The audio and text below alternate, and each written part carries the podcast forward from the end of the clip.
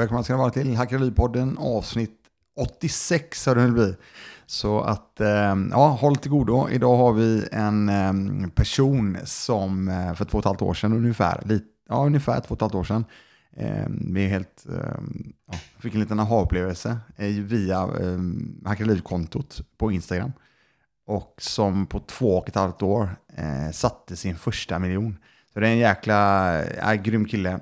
Eh, så att eh, jag eh, lämnar direkt över till mig själv när jag introducerar dagens gäst. Så håll till godo så ses vi i outrot.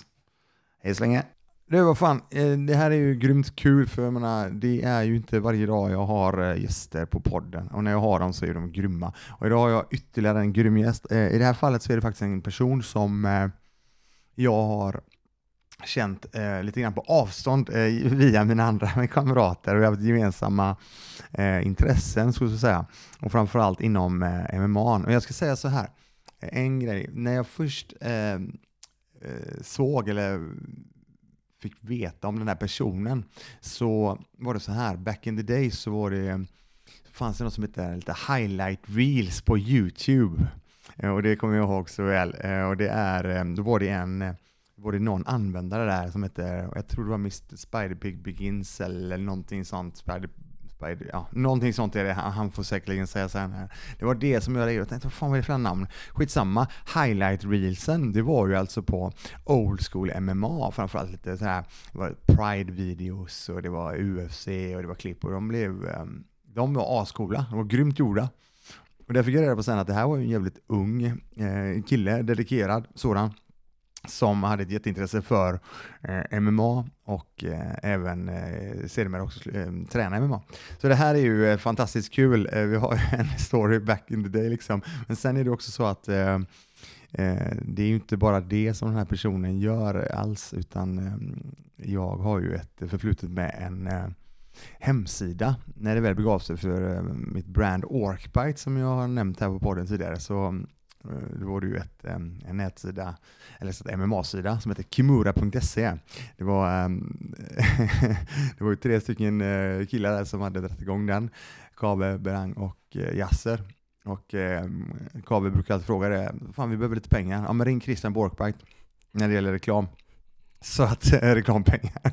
Så där var jag. Och det här är ju lite ball för att uh, den här personen som är gäst idag är numera chefsredaktör, om inte minns helt fel, på just denna uh, hemsida uh, hur många år senare som helst. Så det är ju ascoolt. Så att just med no further ado så är jättevälkommen till Hackeripodden Daniel Sjölander. Tack så mycket. Tack, vilken ära ja. att vara här. Som du Aha. säger, det är inte ja, det... dåliga gäster så ribban är lagd högt. Ja, ja, för fan. Nej, men det är grymt kul. Och vi har ju, eh, vi har ju börjat, eh, vi har ju, vi har ju pratats vid eh, under en längre tid, ska vi väl säga. Mm. Sen, eh, sen, sen, sen, som jag nämner innan här då, så är det så att vi har ju gemensamma vänner också i, ja, i branschen. Och sen har ju jag, du har ju en, eh, vi har gemensamma vänner i eh, vår kompis Meddi också då, till exempel. Han kunde inte vara här idag eller? Att, han han, han hörde att du skulle vara med så bara, nej jag vill helst inte, jag får hem och träna Fifa. Ja. Han dissade mig sist jag var i Göteborg också, den jäveln. Gjorde ja, han det? Du vet, stilen. Det ska han få höra. Ja, det kommer det är väl han som klipper det här sen. Så han, han lär ju bli värsta. Nej, det... Inte, inte ens det. Han avsade sig det också. Ja, ja, ja. Nej, men jag sköter det själv helt och hållet. Eh, det där, han behöver inte göra det. Däremot så träffade jag faktiskt honom på lördag, så ska jag säga det till honom, vad kul ändå att du eh, bryr dig om våra kompisar. Det är bra. Det, ska han, det ska Men du, eh, eh, jag, jag tänkte bara så här innan vi går vidare, för jag vet ju jag vet ju att du drog igång med träning av MMA eh, lite senare också. För du, det var väl så att när du gjorde de här, eftersom jag tar tillbaka till det där jag verkligen mm. kommer ihåg att fan vad det här är grymt liksom. Men de här highlight reelsen som var för många, många herrans år sedan på YouTube. Mm. Då hade du väl bara ett jävligt genuint intresse av själva sporten, var det inte så? Jag tror att det började ganska samtidigt. Um, jag hade spelat fotboll i typ 10 år, från jag var 5 till jag blev 15 och sen så slutade jag med det och jag hade hållit på med massa andra sporter under den tiden också, men jag behövde någonting nytt liksom. Och då var det en kampsportsklubb som jag alltid cyklade förbi typ till och från fotbollsträningarna och, skolan. Där man såg folk stod och väntade på skjuts hem efter träningen och då hade de sådär GIS liksom på sig. Och man tänkte bara, ja men ja, man kollade alltid lite på dem. Det var det ändå lite häftigt. Och då behövde jag något att göra och jag hade redan gjort alla andra sporter kändes det som. Eh, så då hade de precis startat upp en brasiliutsu-grupp där. Eh, precis runt den tiden, den, det var en höstterminen då. Och det var typ då jag la av med, eller de skulle börja i januari var det. Och jag hade lagt av med fotboll då. Jag hade precis fyllt 15 och det var det som var åldersgränsen. Så det var så här perfekt timing på allt. Um, sen första passet jag var där så var det en kille som bara, men vet du vem Fedor är? Jag bara, nej, så jag aldrig hört talas om. Ja men kolla in den, han, han, eh, han, han gick match på Affliction, fanns det en organisation som hette back in the day. Och han mötte Andrei Arlovski. Jag bara, men fine, jag kollar på det så här, kolla vad, vad, vad grejen är. Och så ser man så här, jag kände inte igen någon av de här. Och så ser man Andrei Arlovski komma in, man bara, det här måste vara Fedor, ser jättebadass ut. Så här, nej, så kommer Fedor in, så här, lite smårund och, och ser ganska loj ut liksom. Och sen så toknockar han ju Arlovski. Och då blev man, oh. då blev man lite hooked på det där. Och också första, det var första träningen också, den var jag också helt hooked på. Just kampsport uh, i sig. Och jag tror att då började jag så bara kolla på det här, för då började jag kolla UFC 1 och så här brasiliutsu, okej okay, vart kommer det här ifrån? Och hela den biten. Och sen så bet jag bara av typ allt. Så jag kollade typ alla UFC från ett upp till allt och sen hela Pride och och det var lite i, i samband med det som jag kom igång med de här highlightsen, för då var det lite så här, man kollade på YouTube och bara fan det, det är bara skit liksom. Det är skit, skitdåliga videos, det är så här, dålig musik, det är ingen känsla. Mm. Och så var det många fighters, just specifikt mycket i Pride som jag så här, inte fanns några bra videos på. Och tänkte, ja men då får jag väl göra det själv. Uh, så det var lite så det började. Så min första video var på Minotauro Nogera uh, och Pride. Riktig legend också såhär jujutsu. Ja det var, det var coolt liksom. Och det fanns ingenting bra på honom. Så då gjorde jag en sån. Och sen uh, videon efter blev på Sakuraba, Kazushi Sakuraba, som The Gracie Hunter. Och he hela hans story liksom i Pride. Och han är ju fortfarande min favoritfighter genom alla tider. Uh, och sen rullade oh, det på liksom. Så jag tränade, och sen gjorde jag videos. Uh, och hela den och, och det här med videos, jag hade för sig mjukstartat lite med det innan. För på den tiden var det lite coolt med Let's Play-videos. Det var innan alla började streama på Twitch och sånt där. Så man spelade typ Call of Duty eller något och sen så snackade man lite över det liksom. Uh, så jag gjorde några sådana videos och lärde mig typ redigera och sånt. Så jag hade lite det, den kunskapen. Och sen så började jag då med MMA och hela den biten. Och, och då gick jag över till det. Ja men då, jag tänkte på, vad, hur länge sedan är det du gjorde din första sån highlight reel? Alltså det, det, måste ju varit när jag var 15 och nu är jag 28 uh, Så det är ju typ Oj. 13 år sedan. Så det är ett tag nu. Men det är som du säger, ja, de fick ju äh... lite genomslag också. De, de, de blev populära, vissa av dem har några miljoner visningar liksom. Och det är ganska Det hade jag aldrig kunnat tro då att, att det skulle få sånt fäste Uh, och sen så är ju alltid, nu, nu UFC och Suffa, de är på med sin copyright, så att det är svårt också att, hålla igång något sånt där, för att UFC, de liksom dödar alla sådana kanaler mer eller mindre. Så då får man hit, lite bredda sig och hitta något annat och fortsätta. Vilket jag gjorde ah. senare då. Nej men det, det var ju det, det, det, var ju faktiskt den jag reagerade över när jag, när jag såg de här olika eh, som du gjorde, highlight Reason, det var bara fan shit, vi, vi snackade jävligt mycket om det faktiskt och sen vet jag att jag, jag vet att jag delade någonting på Orkbike när det väl begav sig också, jag tyckte det var så jävla nice liksom. Äh, det var jävligt kul. Men du, vad fan, sen, sen vet jag att vi, jag träffar ju dig eh, lite då och då på lite olika galor också, för du gjorde ju en del jobb när det väl begav sig också. Uh, jag vet att du fotade en del för MMA Viking, var det där du började egentligen va? Eller hur funkar det? Ja, jo, jo mer eller mindre. Det var, det var så att um det var egentligen tack vare de här videorna. Det var Simon Keller då, uh, back in the day. Han var, jag tror han var chefredaktör för MMA-nytt.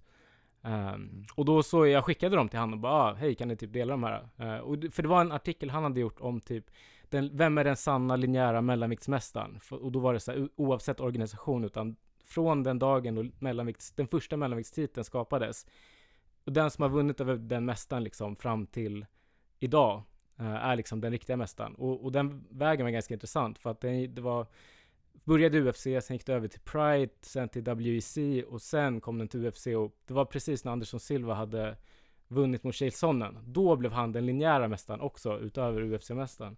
Eh, så Simon hade skrivit en artikel om det och då gjorde jag en highlight-video på det också, där man liksom fick se alla matcher och alla champs genom åren. Eh, och skickade den till honom och han tyckte att den var bra liksom, så då frågade han om jag ville haka på, eller liksom bli en del av, av MMA då. Så jag var där en kort stund och sen så gick jag över till MMA Viking och, och då, var, då blev det lite att man kom in i det här, okej okay, men då börjar man filma egna videos och lära sig använda en kamera och när man ändå filmar med den kan man lika gärna använda sig, lära sig fota med den och sen bygger man på alla skills på den vägen. Uh, ja, så, så det blev min grej lite så att ja, göra, göra egna videos fast och, och eget content både med i videos och, och bild. Så det var lite så ja, men, började. Fan vad grymt. Men du, parallellt med de här eh, extraarbeten och så vidare som du gjorde då, till exempel för MMA Viking och så vidare, var ju, jobbade du någonting annat också då under tiden eh, samtidigt eller? För att för, försörja dig tänker jag. Um, jag gick ju gymnasiet då, eftersom att jag var typ 15, uh, 15-16, så jag hade två, två år kvar och sen började jag jobba på ett annat jobb vid sidan om och sen så, jag tränade ju väldigt mycket här också. Det är också eh, mm. liksom mm. hela den biten. Så jag satsade ganska hårt på kampsporten själv och min egen karriär. Så jag jobbade ganska lite ändå, eh, egentligen under alla de här åren för att kunna ha så mycket tid som möjligt för att träna. Så jag tänkte, bara jag har råd att typ äta mat och betala hyran så, så behöver jag all annan, all annan tid för liksom att gå till eh, träningen. Um, så jag jobbade liksom parallellt var... och sen var det lite kampsport och allt, liksom på alla fronter. Men du hade, du hade ett mål om, alltså du, du var obsessed helt enkelt när det gäller träning, för jag vet ju att när du väl går all in eh, så går du verkligen all in. ja. Jo men eh, det, det, så jag tror det, ja, du vet ju hur jag funkar lite grann efter vi har träffats och så. Och eh, jag tror det, det är jävligt viktigt att eh, på något sätt ändå ha det i sig. För att eh, bli duktig på någonting så behöver du committa jävligt mycket tid. Och det har du gjort då när det gäller till exempel kampsporten. Mm. Eh, då tänker jag, för jag, om inte jag minns helt fel så var det väl så att du var med i MMA-landslaget också? Och var med och tävlade och så vidare? Va? Ja, jo men precis. Så att eh, 2011 tog jag junior-SM i brassejutsu och sen så fyllde jag 18 och då, då gick jag, tog jag fokus helt till MMA och då började jag tävla massa i shootfighting på den tiden som MMA klass B idag. Och så vann jag SM i det 20, 20, ah, 2013 eller 2014 och sen året därpå mm. så vann jag SM i A-klass och, sen, och då kom jag in i landslaget um, och sen tävlade jag där i två år. Så jag, så jag var med där då och var med på VM det året och kom till kvartsfinal då och sen så gick jag till, uh, sen så var det EM efter det och då uh, tog jag EM-guld. Um, mm. Och sen var det till SM som jag vann och sen så körde jag till år. Um, innan, innan skador satte lite punkt för den karriären. Mm. mm. Men jag tänkte på det, det är ju helt, helt grym resa när det gäller den biten. Men du, du, du nämner ju det med skador.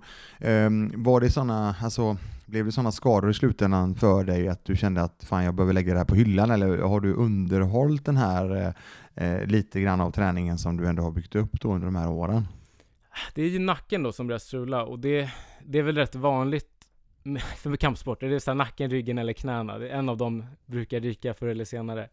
Uh, och det mm. började komma mer och mer. Och sen, det, det blev aldrig riktigt bättre. Det blev bara så sakta, sakta värre hela tiden. Och till slut, uh, efter jag hade kört VM i november 2017 så var det på den nivån att jag, jag, hade så ont hela tiden i princip. Så fort jag tränade och, och ansträngde, liksom tränade och fick trauma mot huvudet, eller vet, det är ju kampsport, folk rycker och puttar och nacken är väldigt central i det där.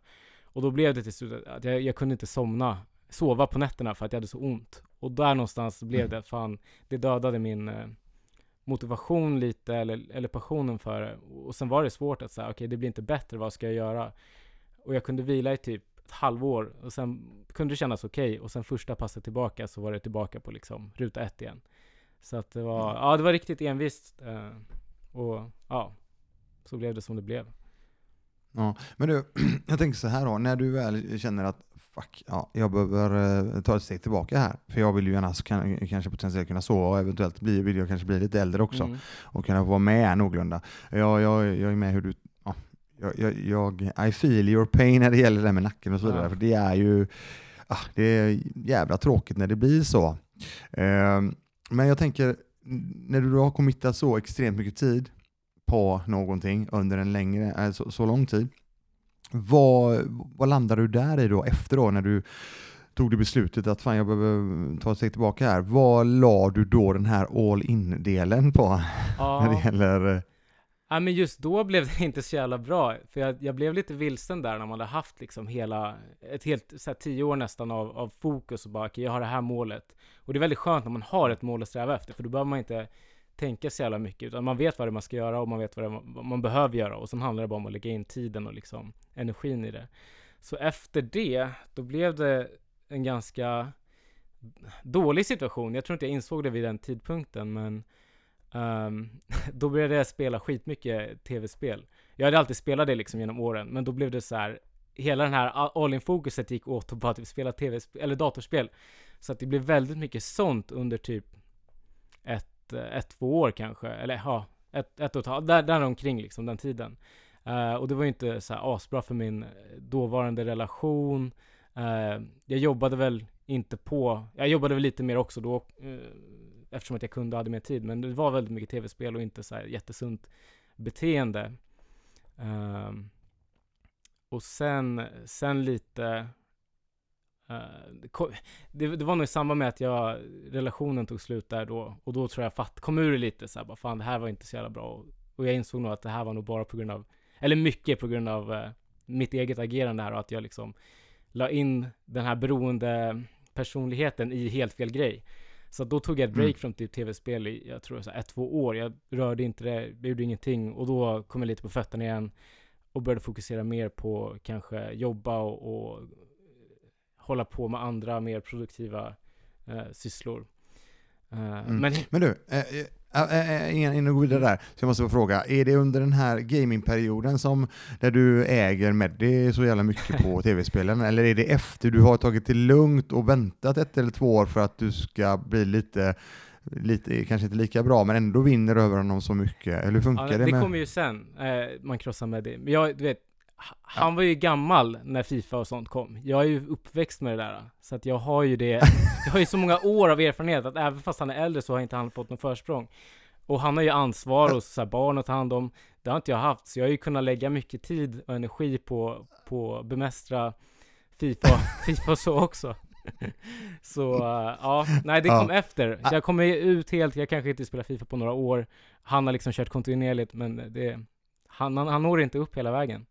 Så är det bara. Nej, han är inte riktigt, uh, han har lite utmaningar med det där. Han, jag vet att han lägger, apropå då, jag nämnde ju Kave också, han brukar ju alltid slänga iväg några stories ibland när han vinner över Kave uh, i Fifa. Ja. Men han har aldrig lagt upp någonting när han vinner över dig, för jag har aldrig sett det. Nej, det händer ju inte, så det, det beror på det. Nej. Men han har fått ja, några sådana åt andra hållet tror jag. Har några härliga videos. Jag brukar skicka dem till också när jag spöar Kave. Ja, ja, ja, det är så ja. Den är en sån eh, tre, trepartssamtal, ja. härligt. Eh, fan vad grymt. Men du, jag tänker så här, för nu är det ju du bör, nu börjar du snacka lite år här och eh, när du, för det är ju så här att det här är ju rätt ball för de här grejerna har jag ju lärt mig nu i efterhand eh, när vi har pratat och träffats en del. Så är det så att eh, du kontaktar ju mig via mitt Instagramkonto. Mm. Eh, och jag kommer inte, nu kommer jag inte ihåg exakt när det var, men jag kan tänka mig att det var, det kan vara två år sedan eller två och ett halvt år sedan, är det mm, det eller? Jo men däromkring. däromkring. Ja, och, och du bara Ja, du, du, du skickar en så jävla nice grej, du skickar, och du verkligen bara fan det här är ju asintressant säger du någonting och sen så, så skickar du även över, eh, när du frågar mig en del grejer vet jag, jag nu har inte jag kollat det innan här men du frågar mig några saker och sen så skickar du även över efter ett tag, när vi snackat lite grann, så skickar du över någon jävla budgetgrej du har gjort också sådär, löpbara sådär, du är verkligen, oh shit, han, är, han har det liksom, han har hittat det. Ja. Eh, och, jag, och jag tänkte såhär, ja, men fan vad kul att du ändå hittar sakerna och sen har vi träffats och så vidare. Och, och där du faktiskt börjat ta tag i din ekonomi och ja, du jobbar och du sparar dina pengar och sen är det inte så mycket mer än det utan fan det går ju gött att det går bra. Sen har ju vi faktiskt eh, eh spelat padel någon gång, du och jag. Ja.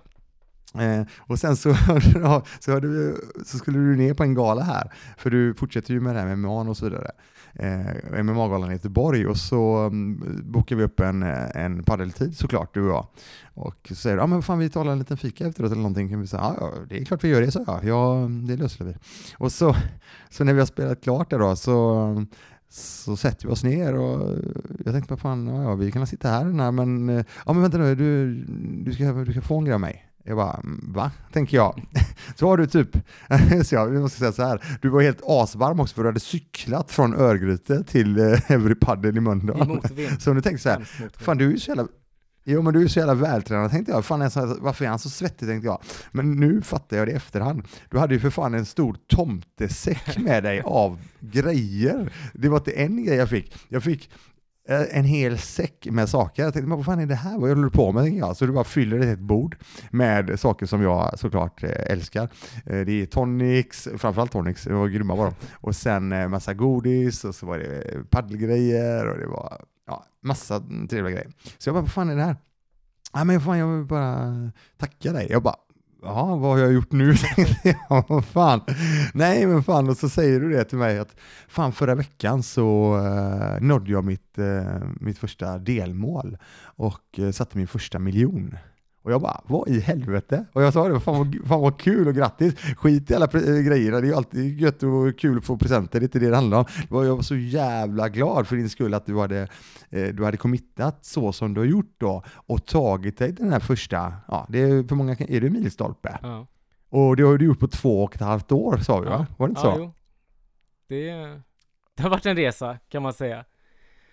Ja men alltså, ja, det, är så, det, är så jävla, det är så jävla coolt. För grejen är att om man nu ser till det då, så har ju du har ju, jag menar, du har jobbat med ja, flera olika jobb, eller hur? Alltså, så, ehm, ja, sådär, och uh, sparat undan pengar. Det har ju inte varit, uh, du, är ju, du är ju en arbetare liksom. Mm. Det är ju inga stora pengar i, i den bemärkelsen, men du har ju hela tiden kontinuerligt nött och sparat undan pengar, visst är det så? Ja, jo men det började väl där, för jag, ja, vi var ju bekanta sedan tidigare på grund av hela MMA-grejen liksom. Och sen såg jag att du la ut uh, eh, Mr Money Mustaches uh, Shockingly Simple Math to Early Retirement. Och det är ju en sån här graf ju där det typ, okej okay, om du har en sparkvot på X så tar det så här många år innan du kan leva på den liksom, gå i pension i princip. Uh, och mm. jag bara såg den och bara, vad, vad i helvete? Det, för det såg ändå inte ut som orimliga siffror. Det var ändå så här, okej okay, men sparar man hälften av sin inkomst så kan man gå i pension om typ 14 år, något sånt där. Det är, och då var det så här, va? Stämmer det? Kan det, det för det låter ju inte helt otroligt ändå. Det kändes ändå Nej. nåbart på något sätt. Och då började jag kolla på det här, bara, vad fan, va? För i mitt huvud har det alltid varit så här, okej, okay, ska du tjäna, samla på dig mycket pengar, då, då behöver du ha värsta lönen eller Ja, jag vet, det har alltid känts så här, det här, det här kommer aldrig vara något som är aktuellt för mig för att då tränade, jag har ju tränat hela mitt liv och så här, jobbat lite och inte tjänat så mycket pengar för att kunna ha tid istället. Men då, där någonstans klickade det liksom att bara, vad fan, det här, det går ju, det är inte ens, det är inte så här komplicerat, det är inte så jävla svårt, det är uppnåeligt på något sätt. Och då började jag ju sätta igång liksom med, och, och ta tag i det på riktigt. Så då det var väl också, du pratade mycket om det, så här, första man behöver göra är ju bara, okej okay, vad, vad, vad händer med pengarna? Vad tjänar jag och vart tar de vägen? Så då började jag, och jag är lite så här små Excel-nörd, så då drog jag ihop ett Excel-ark och började så här, okej okay, varenda jävla krona ett år tillbaka, vart har de tagit vägen och vad har jag tjänat? Och sen ser man lite, och, och då, då, när jag började hade jag typ, jag hade småstartat och köpt några aktier typ så här några, no, några månader innan, den hösten, det var typ, vad blir det, hösten typ 18, när det, när det sket, det var så här, en ganska stor dipp då, kommer jag ihåg. Ja, uh, så jag hade ja. sparat in kanske 4000 eller något. För att mina föräldrar har alltid sparat någon hundralapp i månaden till mig sen, sen jag var liten. Uh, ja. så, jag, så jag hade, jag hade lite så här som jag la undan där. Och sen så hade jag slut på pengar och skulle till Island och USA och bara ah, fuck it, jag får sälja dem så här. Och hade, då hade de gått ner i typ 20% men det var inte så mycket pengar så det var en tusenlapp kanske. Eh, så jag hade liksom noll och jag tror jag hade bränt typ alla pengar på den här resan också. Så jag, hade, jag började ändå ganska mycket från noll. Men då började jag kolla liksom, okej okay, vad kan jag göra här och vad, vad tar pengarna vägen? Och det som hände då, det är att man kan börja ta, man kan ju börja ta val liksom, aktiva val. Okej, okay, nu spenderar de här pengarna på det här, då betyder det att jag måste ta bort det från något annat. Och känner jag att det är värt det? Är det värt att lägga de här pengarna på den här saken eller kan jag lägga dem på något vettigare? Och, och då kollar man, ja, då börjar man helt enkelt på den, på den vägen. Och sen så grejen var att jag hade räknat fel på så sparkvoten i början. Jag kommer inte ihåg hur jag hade tänkt. Jag hade tänkt fel någonstans. För det skrev jag till dig också. Jag bara, men fan, nu tjänade jag mer den här månaden, men jag sparade och lika mycket, men sparkvoten gick ner på något jävla sätt. Jag bara, hur går det ihop? Och då hade jag, jag hade räknat fel, så jag hade typ räknat på en högre okay. sparkvot, högre sparkvot än vad jag egentligen hade. Men då tänkte jag, okay. inledningsvis så var det liksom tanken att, ja ah, men det hade varit nice att kunna gå ner i tid typ när, jag, när det är dags för mig att skaffa familj och barn. Det hade varit kul att och kunna spendera mer tid med barnen typ när de är små. Uh, gå ner i tid och så här, ha mer tid för dem utan att det ska påverka det ekonomiska. Men sen så är man ju lite störd i huvudet liksom, så man börjar ju pusha allting lite extra mycket och går all in på grejer. Så att då, då pushar jag upp hela det här målet lite mer och mer, så att jag tror i början tror jag siktade på typ 25% sparkvot eller något sånt där och så ja men då kan jag gå ner i halv, på halvtid om typ 10-15 år och så ja, det låter bra. Ah. Uh, och nu senaste året tror jag är uppe på så 65% eller något. Och jag tror... Eller, jag tror du har legat på det? Ja, 65? året innan eh, var det typ 55 eller något. Och första året tror jag slutade på 30-ish någonting. För att jag ryckte upp det ah. lite mot slutet där. Um, nej, så jag pushar ganska hårt och det har varit några bra år på börsen liksom. Så att det har gått bättre än jag trott. Ja, men det är så jävla coolt och jag blir så jävla glad när du säger detta. Och, och det är så här att det här är ju någonting som jag tycker är så fräckt för att alla människor skulle ju kunna göra detta, det som du har gjort Daniel, och det som jag har gjort.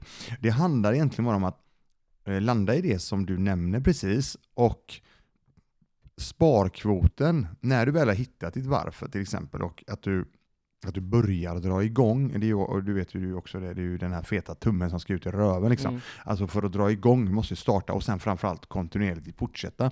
Och sen blir det ju så här, men som du säger, Eh, det, det, var ju inte så, det var 25% i början och så helt plötsligt så ser du fan det här funkar ju liksom. Och så helt plötsligt blir det lite mer taggar och så helt plötsligt så blir det lite mer och så mer. Sen säger inte jag att alla har den här formen av kanske beroendegen som du och jag har, men däremot så är det så att, men vad fan, kan du lägga 10% initialt på en sparkvot, det är ju åtminstone 10% av det du faktiskt tjänar. Och då kan du lägga undan de pengarna, låt säga, och sen, fan det där funkar ju, ja men fan då är det kanske 15% nästa dag och så kanske du hamnar på 20 eller 25. Men det är ju fortfarande ett eh, sparande som du eh, faktiskt eh, investerar i tillgångar. Det är ju det som är det fräcka här. Mm. Och som du precis sa, eh, nu har det ju varit, nu får vi se mm, hur Eh, om vi får se den här tokrusningen som, börsen haft de senaste två åren till exempel. Men återigen, om, vi bortser från den här tokrusningen så är det ju faktiskt väldigt, väldigt intressant historiskt sett att investera på börsen. Eh, om man tittar på det eh, så är det ju säkerligen en 8% som du kanske kan historiskt räkna med. Mm. Om man nu är långsiktig. Och men vad fan har du då, säg 10, 15 eller 20% löpande insättningar i någonting som genererar dig eh, den här procenten så blir ju det jäkligt trevligt över tid. Mm. Ja, blir... Och som du och, och, som du då nämner här att du uppade det till, eh, det slog du mig på fingrarna ska jag säga, för jag var uppe på, jag var uppe på 57 i sparkvot när jag körde. Eh, men, eh, men eh, det är ju så att, precis så som du nämner innan, eh, Mr Money Master där som jag Mustasch heter han inte, Mustasch, det är för fan senap. Eh. Eh, han, eh, han har ju den här men som du sa där, har du en sparkvot på 50, jag tror det är 17 år faktiskt, mm. ja, om man eh, tar ut pengar och så vidare, så är det, eh, när du väl har landat i det här med sparkvot, så är det faktiskt jäkligt mycket enklare, tyckte jag i alla fall, att fokusera emot den siffran och se då varje månad, fan här kan jag få undan, här fick jag precis undan 40%, oj oj oj, så här har jag 50% och så, så nu landar på första året var det 30% du ja, landade på någonting. Va? Över, ja, då går ju det fort. Det är ju det att folk vill ju hela tiden ha instant gratification och det ska vara hända nu, nu, nu, nu, nu. Men vad fan, se om vi kan köra lite delayed gratification då. Lite längre ner. Däremot så två och ett halvt år för att sätta första miljonen. Den är ju oftast, eh, det säger de som vet, eh, att den är oftast den svåraste. Mm. Eh, och det måste jag nästan skriva under på, för det går betydligt fortare när du väl har en del pengar helt plötsligt. Mm. Snöbollseffekten. Ja, eh, och ränta på ränta och hela den biten. Så det är så jäkla nice.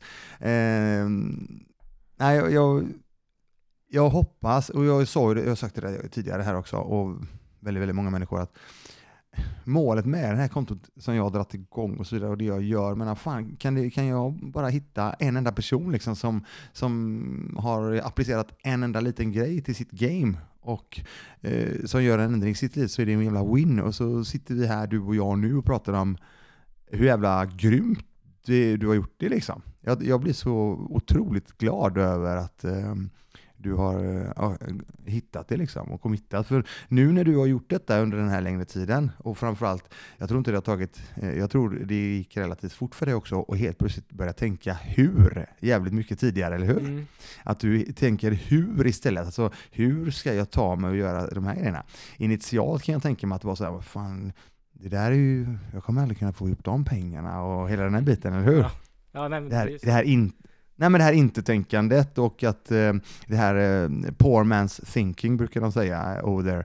Eh, det är just det att när du väl tänker how istället för hur, då blir, det så, då blir du mycket mer kreativ i dina tankar också. Jag tror att det är lite av en så här tv-spelsgrej också. Att det, är, det är ett så här problem man ska lösa. Det är ganska konkret ändå när det är siffror. Och då blir det, då blir det lite så här som du säger, men okej, vad kan jag göra nu? Hur går, hur går det att lösa det här? Vad kan, jag, vad kan jag skära ner på här? Hur kan jag dra in mer pengar? Och sen brukar man, ja, sen, jag hittade en väg liksom som funkar för mig. Men, men det viktigaste är liksom att börja kolla på vad fan tar pengarna vägen? För det är många du vet som så här, jag- jag, brukar vara på kollegor lite då och då så här, men typ hur går det med sparandet? Eller så här, försöka hjälpa dem starta upp något pensionssparande bara för att så här, det är viktigt att få igång det. Många, många drar lite på det och det gör så mycket om man kommer igång tidigt. Men då är det så här, folk har svårt att liksom, okej men vart ska jag få de här pengarna ifrån? Och, det, och då är det för att de har inte ens, du vet, jag tänker så här, men du tjänar ju typ samma som jag, liksom, vi har ungefär samma lön, varför, hur kan det vara så stor skillnad här? Och då, då får man liksom försöka få dem att säga, okej men kolla på den här pengen, vad, vad spenderar du på senaste halvåret liksom? Vad, vad lägger du dina pengar på? Finns det någonting här som du tycker är onödigt? Som du säger, okej men om jag snusar hälften så mycket, då kan jag ju få undan kanske 5%. Eller du vet, man hittar små, små sätt att, att hacka sitt liv på. Det det, man, man kan göra så mycket mer än vad man egentligen tror, bara man, bara man förstår att man har ett val liksom. Att okej, jag kan välja på att snusa lite mindre, då får jag lite pengar över, då kan jag börja spara dem. Jag kanske kan äta lunch ute en gång, två gånger mindre på veckan, eller du vet. Det är massa sådana små grejer som, som gör så himla mycket. Och när man väl börjar tänka på det sättet, då hittar man ju fler och fler grejer. Och sen byggs det ju bara på därifrån. Och sen för min egen del, hur, hur jag går tillväga, det är att jag har ju alltid varit van vid att leva på ganska lite pengar för att liksom kunna träna. Och jag kan tänka mig att det är lite likt eh, folk som är, studerar och ska gå runt på, på de pengarna. Och har man lite det mindsetet att okej, det är så här jag lever, det är så här mycket jag spenderar ungefär. Och om du då kan börja dra in en heltidslön eller kanske skaffa ett extrajobb på det så att du har kanske en och en halv eh, lön in men fortfarande har samma utgifter. Det är då du verkligen hittar de här stora möjligheterna att kunna spara mycket pengar. Så att det är väl lite det jag har gjort, att jag håller mig ganska lågt när det kommer till utgifterna. Jag spenderar inte jättemycket pengar på kläder. Jag tror jag hade någon utmaning, jag flyttade så jävla mycket, jag har gjort det massa gånger genom åren. Och då var det någon gång jag tröttnade på att så här, fan det är så jävla mycket kläder jag ska flytta med varje gång. Och jag har inte ens använt de här en enda gång sedan jag flyttade sist. Så då tänker jag så här, men jag behöver inte mer kläder. Så tog jag ett helt år där jag inte köpte kläder alls på ett helt år. Jag har haft samma, det, vet jag, det här vet jag inte om Med har tänkt på, han är lite så skofixerad. Men jag har ju haft samma skor sen sommaren 2017, året Alltså? runt. Samma jävla Adidas-skor. Men jag har ett par nya nu på G, eh, som jag fått i födelsedagspresent faktiskt, för att jag har fått så mycket skit för att de börjar bli slitna. Men, men du vet såhär, okej, men då har jag sparat kanske, vad kostar ett par skor? Tusen spänn kanske. Jag har kanske sparat två, två, tre tusen spänn på bara skor liksom. Det är så här många små grejer som, som man kan göra och utmana sig själv lite. Att fan, behöver jag verkligen det här? Jag, de här skorna funkar, jag kan ha dem egentligen ett år till. De ser inte så jävla bra ut, men det är inte hål i dem än i alla fall. Gjort det mer till en sport eller? Inte hål, i, inte hål igenom. Nej men gjort det mer till en sport liksom. Ja, jo men lite så. Att man, ja men verkligen, gör det till en sport. Och det är som jag sa lite, det är, det är lite tv-spelstänk att så här, okej vad, vilka slide, li- vilka regler kan jag dra ner, reglage kan jag dra ner på här, då får jag lite mer här och liksom Mm. Hitta små sätt att effektivisera skit liksom. Ja, men det, det, det som du nämner där, det är ju en, det är ju en jä, jag tycker det är en jäkligt bra egenskap, om man nu tar tillbaka till, till gamingen, så är det ehm, eh, nej men eh, det som, eh, det som är väldigt lätt att eh, åka på eller hänga med i, det är ju det här lifestyle creep, brukar de säga. Att Mm. eh, när du väl börjar få in lite mer pengar och helt plötsligt så börjar du spendera mer pengar och det är ju väldigt, väldigt viktigt att fortfarande ha den här basen att hålla sig till. För jag menar, och framförallt också då tror jag att det är väldigt viktigt att försöka hålla någon form av riktning på vad, vi, vad jag ska. Eh, sen eh, kör ju väldigt många människor eh, mål, delmål och mål och, och hela den här biten och, och så vidare. Jag hade ju väldigt så specif- specifika saker jag skrev ner och, och så vidare. Men ju längre jag har jobbat med dem och, och även uppnått faktiskt eh, eh, nästan till allihopa skulle jag väl säga faktiskt då. Eh, då är det så att eh, då har jag inte börjat skriva ner eller fortsatt skriva ner nu utan det är mer att jag har, jag har en en riktning där jag vet att jag vill jobba med mitt egna kapital till exempel. Så, att, så, så, det funkar rätt bra för mig och det, då har jag ju det här, likadant som du har, jag gillar ju också då de här olika tabellerna, eller att Excelen, jag jobbar mycket med i Google, Google kalkyla, kalkylarket istället. Och då är det så att då följer jag upp löpande det egna kapitalet då. Och jag tror att du gör Mm. något liknande. att det, Ja, varje månad. Ja, precis. Och ehm, det, det är ju jag då ansvar. Jag, jag måste ju ställa mig själv ansvarig då till att det här ska gå åt rätt håll. Så det är det som Mm. faktiskt är lite av en ledsagare ska jag säga, för min del.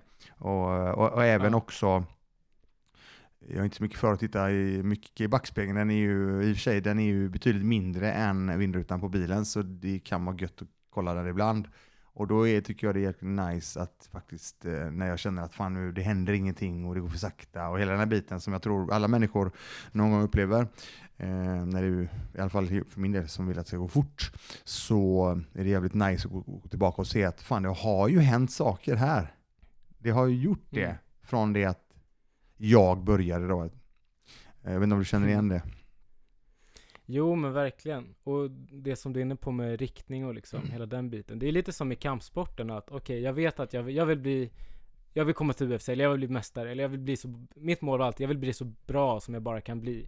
Okej, då vet jag att då behöver jag lägga ner tid, jag behöver träna två gånger om dagen, jag behöver tänka på äta rätt, fys fysiken, banta rätt inför matcher.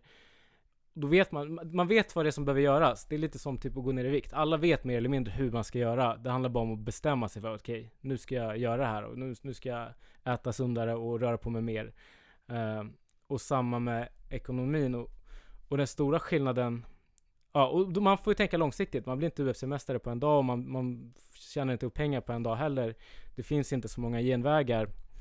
Ehm, men för, för min del har jag tänkt att det, det är ganska mycket lättare det här med att spara pengar för att det är inte någon annan som försöker stoppa dig på något sätt. När du slåss ändå, då, då är det någon annan jävel på andra sidan buren som ska, tänker samma sak och om han vinner då, då förlorar ju jag.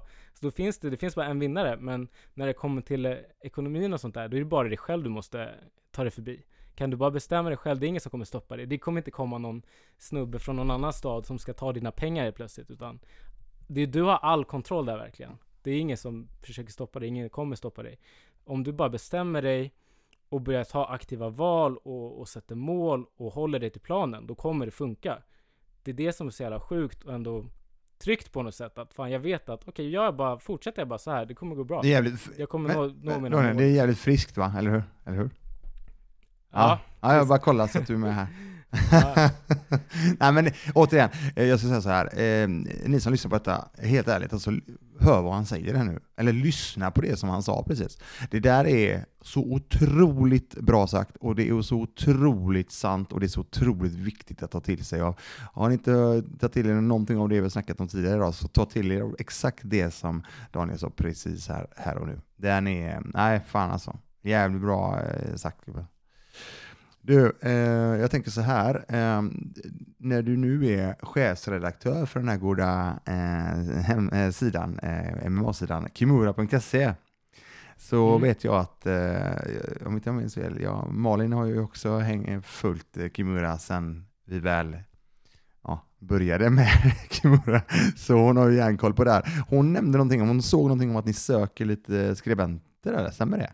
Ja, jo men det gör vi. Nu beror det på när det här avsnittet kommer ut, men fram till... Det kommer tror- nästa vecka. Nästa Ja. vecka. Nu spelar vi in detta på tisdagen. Så precis idag tidigare, eh, den eh, sjunde, jag tror jag det är idag, då har vi släppt eh, avsnittet som vi spelade in igår, eh, förrgår. Och då, det här avsnittet som vi spelar in idag kommer vi släppa nästa vecka och då Just blir det. det den eh, 14 va, tror jag inte jag. Ja, jag tror vi har ansökningarna för den tjänsten öppen till på söndag, så att jag tror man missar den precis. Oh! Men det skadar ju aldrig att skicka in liksom en intresseanmälan och och det ju, händer ju att det dyker upp luckor här och där och det behövs alltid folk som är hungriga och vill är engagerade och, och och drivna så att det är bara att höra av sig om, om man känner att man har någonting att bidra till, till vår sida och man gillar det vi gör och gillar MMA. Så slå iväg ett mejl Men du, när vi, ändå, när vi ändå snackar om den biten, då är det rätt intressant tycker jag då, eftersom du sitter ju där och eh, tittar faktiskt på vad det är för människor som eh, söker till det här. Och eh, då kommer ju du gå igång och tycka saker och ting är jävligt intressanta på vissa och mindre intressanta på andra. Vad är det som, om man nu, om man nu snackar om det, vad är det som får dig att gå igång på, på ett bra sätt? Att fan det här är en person som jag, fan det här känns ändå jävligt nice liksom. Vad är det som är viktigt i den approachen som ni eh, får i en ansökan då? Jag tror att en viktig del för mig i alla fall att man, att man kan följa instruktioner och liksom förstå uppgiften. Typ, det är väl lite så här klassisk lärargrej att typ lä- folk i skolan som inte läser hela, hela uppgiften innan de svarar. Det brukar vara mindre bra för att då kanske det blir lätt att man missförstår eller fel. Så att det jag kollar på, det i ansökan vi har nu så jag har skickat in, eller jag har bett om att man ska skicka in ett eh, CV, ett personligt brev och en testartikel liksom. Bara skriva om en MMA-nyhet. Och då liksom, det, det är tre kriterier. Och man bommar ju sig själv lite där om man inte skickar in de tre sakerna. Eh, för det är ganska konkret liksom. Så att, att man kan ta instruktioner och liksom följa instruktioner. För det är, det är bra egenskap att ha om man ska lära sig saker. Liksom. Kunna lyssna och applicera. Eh, så det är en bra, bra sak. Men annars kollar jag mycket på hur folk för sig i skrift liksom. Hur de- kan de skriva så att man fattar och att det är lättläst liksom. Det behöver inte vara Mm. så komplicerat egentligen. Och sen är det mycket typ, okej men det är viktigt att man gillar sporten och att man kanske följer den så man förstår vad som händer och ser den större bilden och hela, mycket sådana saker. Och för mig är det väl meriterande om man, om man gillar svensk kampsport också följer med lokala scenen och inte bara största, största ligorna. Mm. Men eh, lite så här passionen och glöden. Det är väl det viktigaste tror jag som gör någon till en, en bra medarbetare. Att man brinner Mm. för, för det. Och, och just så här kampsportsmediabranschen, det är inte som att det är ett överflöd av pengar. Jag har jobbat i princip gratis i, i tio år med det där. Så att ehm, Mm. det är ju inte kanske, det är ju mer för att man brinner för det som man söker sig till sådana här typer av tjänster. Och Mm. man får ju möjligheten att, att ta sig som ett fan djupare in i sporten än vad som är möjligt. Jag, ser, jag, jag har ju fotat en del på UFC och då är det liksom, du, sitter, du, kan, du sitter och nuddar buren i princip. Du får blodstänk på din kamera och i ditt ansikte. Och som ett fan så är det svårt att komma mycket närmare än så. Så bara Ja. det är så himla fett att liksom få uppleva det och träffa alla fighters och typ sådana grejer. Ehm, så att, ja. Nej men om man, om man gillar MMA så är det perfekt liksom att ge sig Ja, in i det nej, men jag är med dig helt. Men, men det, du, jag tycker du säger det så bra där. Du har, att, att, att ta instruktioner, jag tycker den är, den är jäkligt bra oavsett om du ska söka en sån här tjänst eller vad du ska söka. Fan, det där är jäkligt viktigt. Jag vet att det är väldigt, väldigt lätt idag när det kommer en eh, lång eh, mailkonversation så kommer du eller jag in i den lite senare. Är inte jag med på, är på tårna där och kanske bara titta eh, inte kanske tittar igenom den här eh, mejlkonversationen så jäkla noga och så svarar jag kanske på det som var ja, näst senast. Fast i själva verket så eller ja, i själva verket så har jag inte riktigt förstått vad de faktiskt eh, vill eller vad de menar initialt. Det kan vara så, och många gånger så har det varit ett missförstånd initialt som sen bara snurrar iväg precis som viskleken liksom. När du är, nej men det blir fan det, och så är det plötsligt bara, men vänta nu, nu ska vi, nu måste vi, då, då får, så att min, min, min rekommendation där, och apropå att ta instruktioner, ta instruktioner härifrån nu då, för att i en sån situation så är det väldigt, väldigt viktigt att ta det lite lugnare, backa tillbaka bandet, okej, vad är det faktiskt, vad är, vad är kärnan här liksom? Så att jag tror det här med in- instruktioner är klockrent, följa det och sen eh, det som du säger, oavsett jobb så är det det här, fan, visa intresse liksom. Alltså fan, sälj in det. Mm. Det är ju det, vad fan, du får visa att du brinner för det då. Mm. Ja men verkligen. Eh, och det är ju alltid så, jag menar, oavsett vilket jobb vi söker så det är ju, det är ju den första instansen många gånger att skicka in det som du nämner. Sen att du då eventuellt får komma på intervju och hela den biten, då är det ju än viktigare att visa tydligt att, ja, eh, att, du, att du är intresserad. Och någonting som jag tycker är är rätt intressant är när man kommer till en, om, om det är så att några folk kommer till en för en eventuellt anställning eller vad det må vara, så tycker jag det är jäkligt intressant att personen har gjort sig en research, är du med mig? Om Mm. själva, låt säga ett bolaget eller oavsett om det är Hackare Liv-kontot eller vad det må vara, liksom, att du kommer med någonting, alltså adderar någon form av mervärde genom att du visar att du har gjort en liten DD, alltså due diligence, alltså gjort en liten djupdykning. Det där attraherar ju mig, så om jag ska sitta och lyssna på någon, eller eh, jag eventuellt kanske ska hjälpa någon på något sätt, eller, alltså det blir, ger ju mig mycket, mycket mer att fan det här är- låter ju fan intressant liksom. Mm. Nej, Jag vet men inte, nu rantar jag iväg här, men jag, tyckte, jag tycker ändå det är jävligt bra att ha med sig där ute oavsett vad vi gör. Mm. Ja men verkligen. Och särskilt i en sån här Oj. bransch där det är mycket, man gör det för att man gillar det liksom. Då är det bra att man verkligen visar det och lyfter fram det. Ja, precis, precis. Men du, jag tänkte på det. Hur ser det ut med eh, när det gäller tillbaka till träningen då? Eh, nu är det ju så att du jobbar en del eh, och så vidare, men du rör dig ändå vet jag. Mm. Vad, jo, du, men vad jag gör är du nu när du rör dig? Blivit biten av paddelkrypet, samma som dig. Och det är också en, ja. Men jag har ändå hållit det på mer, ja, är det ens en rimligare nivå? Jag vet inte fan. Jag, jag började spela i våras.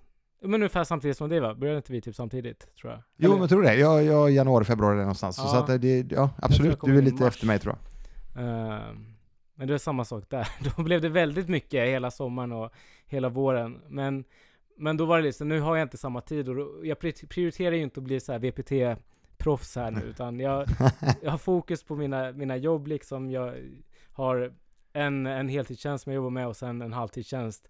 Så att det blir väldigt mycket fokus där och, och kanske inte lika mycket tid över som jag haft tidigare i mitt liv.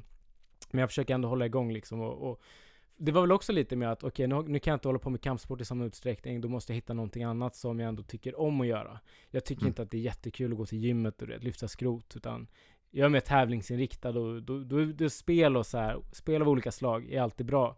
Och, och då är ju padel ganska bra på att fylla det gapet. Så att jag håller ändå igång lite med det där och spelar. Nu har jag fått in Kave på det där lite också. Vi spelade igår. Ja, det är så? Ja. Nej, vad kul. Fan, det, det där måste vi styra upp. Det där måste vi styra upp. Två Kimura-killar mot mig och fan det hade varit jävligt bra att spela med Meddi också. En gång i tiden sa han att han Ja. skulle spela. Jag har spelat med honom en gång. Ja, men jag kommer ihåg det var snack om det i podden, men sen så Ja, nej, det blir bara, det är tomt snack som vanligt från honom. Ja. Jycken spelar också lite grann. Just det, han just körde jag det. med, han och hans brorsa. De manglade oss verkligen. Det var, Ja. inte, det var inte kul. Ja, han är Ja, men också lite jävla såhär störd tränings, eller tävlingsmänniska, så att eh, Ah. också vinnarskallar. Och långa är väl de båda två om inte de är i Ja. Ja, Och de kan ju säkerligen knacka ut lite bollar. helt omöjligt att lobba på dem där. Ja. Men du, vad fan, när ses vi igen? När kommer du ner till Göteborg igen? Mm, bra fråga. Jag brukar ju komma ner i samband med lite galor här och där. Och nu är det ju lite uppehåll fram till här, februari, februari-mars tror jag det går igång. Jag vet att. Zone har en till gala inplanerad där Mm. någonstans. Så att jag lär väl komma ner för den, om inte annat, Mm, om inte nice. tidigare. Ja, ja, men då vet ju du vad vi ska göra. Och det hade varit jävligt ball eh, om den här tröttmössan Kave kommer förbi också så kan vi ju leka ännu mer. Men annars så löser du och jag någonting. Ja då. Så vi kanske spelar dubbel, eller vanlig. Vi spelar ju alltid cross du och jag. ja, jag är så jävla dålig på cross. Vi Nej, behöver... men jag säger det, du får dra ihop två pers till bara, Ja. så löser vi det. Ja, men det löser jag. Vi tar på, spelar vi Hackerilibanan på Every Padel såklart, nummer fyra. Eh, jag ska faktiskt iväg här eh, alldeles strax eh, och spela igen, så att, det blir säkert skitbra. Men nu fan Daniel, eh, grymt kul att få eh, sitta och köta med dig lite grann. Eh, och vi kommer ju träffas mer. Jag, återigen får jag säga det, eh, glad och eh, framförallt jävligt stolt över att det du har eh, återkommit hittills och eh, du kommer ehm, gå hur långt som helst med den här inställningen som du har. Jag vill bara nämna det för dig så att du nu ligger ute i cyberrymden.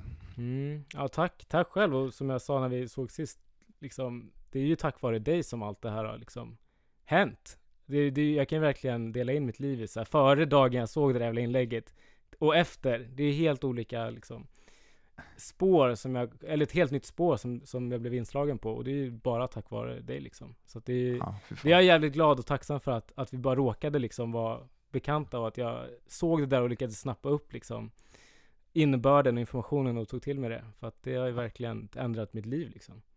Fy fan. Ja, så jävla kul att höra men eh, tack, jag tackar för det och eh, det är ju du som gör jobbet. Eh, oavsett så eh, återigen, tack som fan för att du tog eh, dig tid så eh, hörs vi längre fram här nu då. Tack så mycket för att jag fick komma. Ja, det är bra allihopa. Hej då. Och där var jag tillbaka. Ja, ni hör ju själva. Helt grym kille, Daniel.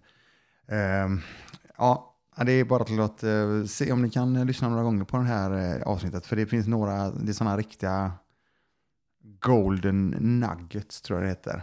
Eh, eller små, små guldkorn som ni eh, säkerligen, eller förhoppningsvis kan ta till er och starta er egna resa. Den är klockren då inför det nya året skulle jag vilja säga. Och med det sagt så eh, är det faktiskt så här att det här avsnittet är eh, sista avsnittet innan juluppehållet. Jag har lite planer inför i januari då vi drar igång igen. Så att eh, jag önskar er ett, eh, ja, en fantastisk jul. Ett helt grymt nytt år och så ses vi på andra sidan. Ha det så gött nu allihopa. Hej då!